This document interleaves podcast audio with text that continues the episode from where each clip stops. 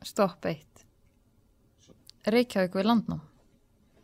Aðalstræti er elsta gatan í Reykjavík og var uppálega stígunir að sjó frá Reykjavíkubænum sem var við söðurenda götunar.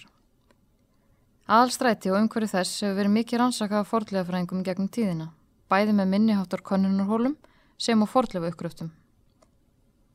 Með því að raða niðurstöðum þessar rannsóknar saman hefur fengist ágættis mynd að samfélaginu eins og það var á landnámstíma. Það sem oft hefur verið byggt á sama stað hafa yngri byggingar raskað þeim eldri, auk þar sem gatnaframkvæmdir hafa skemmt minjar. Út frá legu og stefnu þeirra minja sem nú þegar hafa verið grafnar upp, má reikna með að enn fleiri mannvirki frá fyrstu tíð finnist undir götum og húsagrunum hér í kring. Mikla líkur er á því að enn eigi eftir að grafa upp elsta bæin. Mikið hefur verið rætt um hvar elsta bæjastæði Reykjavíkur sé að finna en munnmæli segja frá torfhúsi á lóðinu Grjótakötu fjögur sem var kallað Skálinn. Aðra lóði sem kom einni til greina eru við Kirkjustræti 2, Tjarnagötu 4 og Söðugötu 3. Þegar menn námi hér land á nýjundu öld var umhverju öðruvísi en það er í dag. Staða sjáar var munlagri og landnámshúsin stóðu á malakampi. Í fornum víkubotni bak við kampin var tjörnin. Tjörnin var mun starri á þessum tíma en nú og vatniði henni var hálfsalt því að sjóran inn í hann á flóði. Umhverfið skipti miklu máli þegar tólka á fortíðina og oft er hægt að greina breytingar þess í fortlefaransóknum. Þær fortlefa sem fortlefafræðingar hafa grafið hér upp frá eldstu tíð Íslandsögunar liggja allar ofan á þessum forna malarkampi. Það sem skilur þó oft á milli fortlefana og malakampsins er því svo kallega landnámslag sem þekur yfirbor malakampsins að mestu. Landnámslægið er gjóska eða aska úr miklu eldgósi sem var í vatnaöldum árið 871 pluss eða mínus 2 ár og því hefur það fengið heitið landnámslægið 871 pluss mínus 2.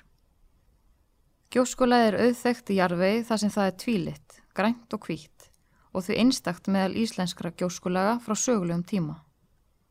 Tímasetningin er svo nákvæm vegna þess að agnir á gjóskunni hafa fundist í Grænlandsjökli en í jöklinum myndast árleg lög líkt og í trjám og því er einnig hægt að telja niður frá nútíma og fá þannig út nákvæmt ártal. Gjósku lög eru rauntíma línur og því góð til að aldurskurna fórlifar og kemur það góðu gagni hér í miðbænum þar sem nánast alla landnámsminjar liggja beint ofan á þessu landnámslægi.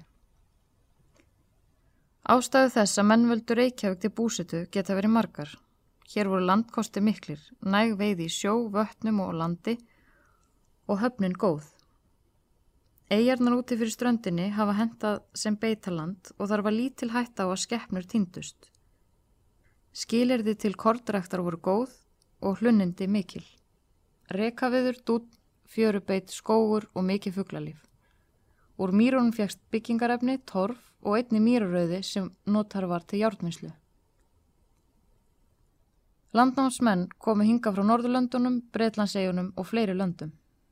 Tungumálið, efnismenningin og samfélagsgerðin sem hér hefur þróast á samt niðurstöðum erðaransókna benda til þess að norræn menning hafi verið hér ríkjandi á tíundu öld.